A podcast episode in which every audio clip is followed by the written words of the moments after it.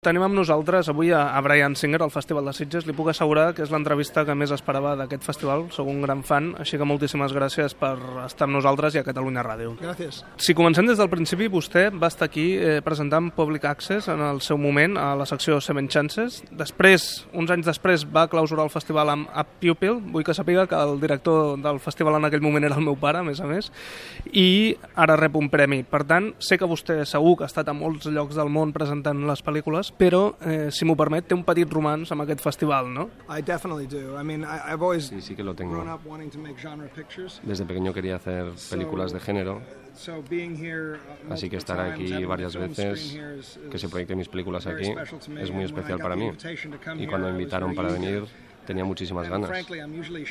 Normalmente soy bastante tímido a la hora de ir a este tipo de cosas, prefiero pasarme el tiempo detrás de la cámara, me pongo nervioso, pero cuando me invitaron del Festival de Sitges, por la naturaleza del festival, por el afecto que le a tengo al, al género y también sé que este festival es muy de los fans, tenía muchas ganas de venir I y me encanta España. Sàpiga que quan jo estava a l'institut eh, va haver-hi, durant un any o dos, hi havia dues pel·lícules que qui no les havia vist i sobretot qui no sabia al final era un pringat, que eren Seven i eh, Sospechosos Habituales. Em, M'imagino que...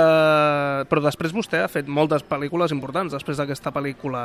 Per tant, eh, m'imagino que aquest és una mica el somni del director, no? Fer una pel·lícula que marqui tant a una generació, que sigui gairebé una, una obra de culte i a la vegada que no sigui una ombra constant a la seva carrera. Yeah, I, I think Usual Suspects will always Sí, still los sospechosos habituales creo que siempre será una pequeña sombra, ¿eh?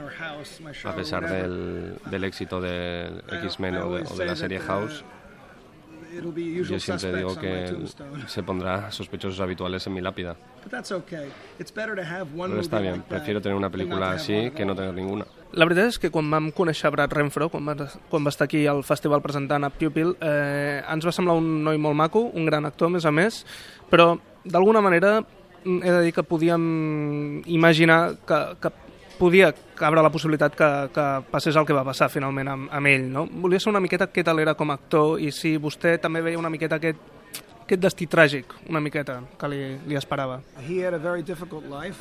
Tuvo una vida muy had difícil. Tenía problemas con drogas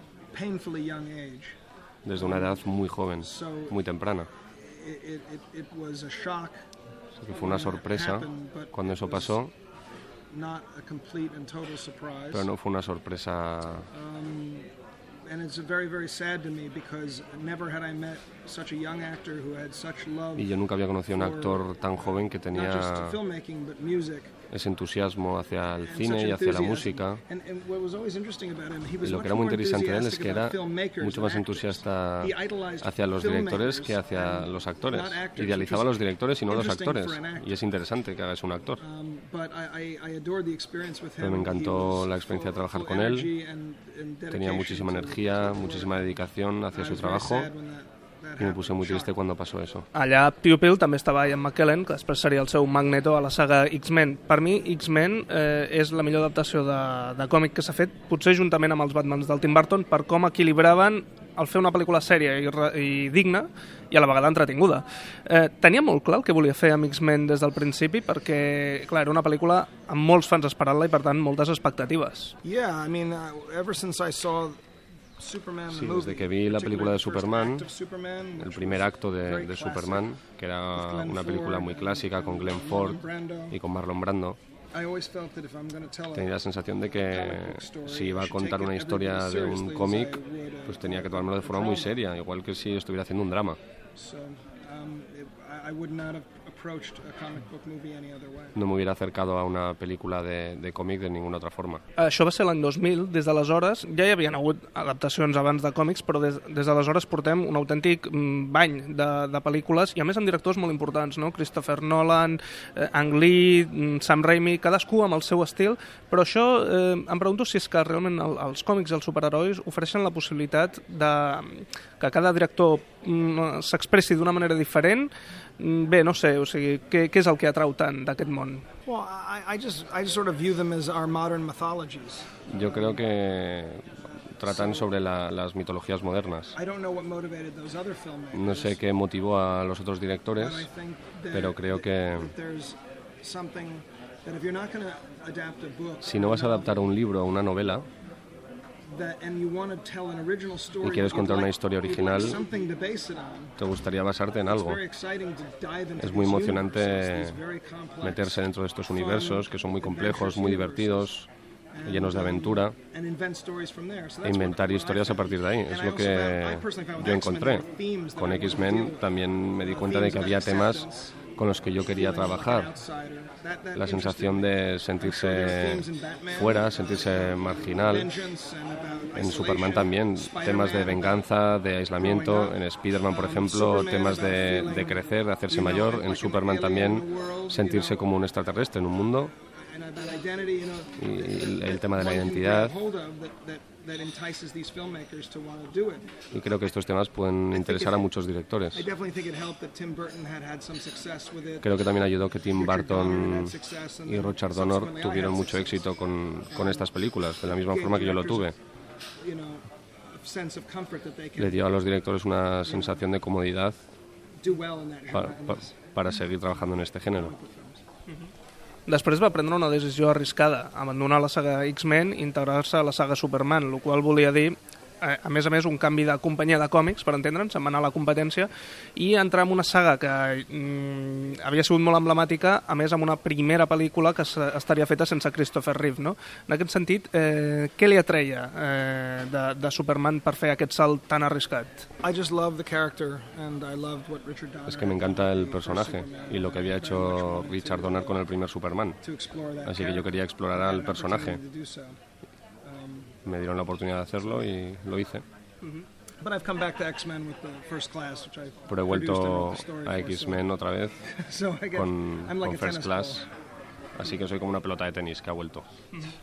No vull que em malinterpreti perquè a mi la vaig estar revisant, Superman Returns fa molt poc i em sembla una gran pel·lícula, però li puc preguntar si, si tornéssim enrere tornaria a prendre la mateixa decisió? Well, now I would because I've been able to come back quite successfully to the X-Men franchise with X-Men First Class. Um, so I Ahora feel sí que tomaría la misma decisión feel porque he happy podido volver a la saga de X-Men con X-Men First Class, así que he tenido suerte porque he podido hacer la, control la of película de Superman y he podido volver a happy with tener my el control de la decision. franquicia de X-Men, así que ahora estoy contento con mi decisión.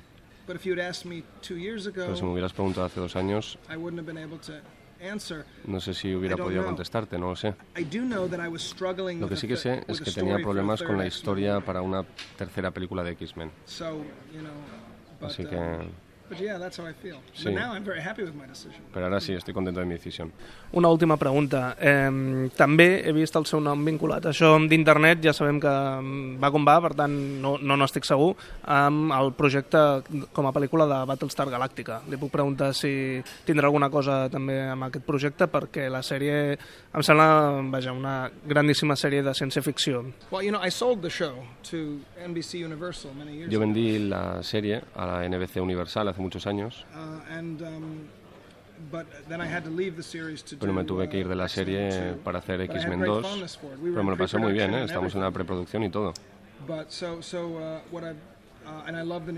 Y me encantan la nueva serie. Así que to hice un develop a- trato a con feature. Universal para desarrollar Yeah, una feature película series. de Battlestar Galactica, o sea que sí, la dirigiré. Pues per mi són unes grans notícies Cool. aquestes. It's a cool it's a cool story. Será It's- guay, es una historia it's muy very- guay. The, the idea is La kind of idea radical, but it es bastante respects radical, all the pero series respeta and todas doesn't las invade, series. uh, or, or interrupt the, No contamina ni, ni, ni rompe la historia de esas series.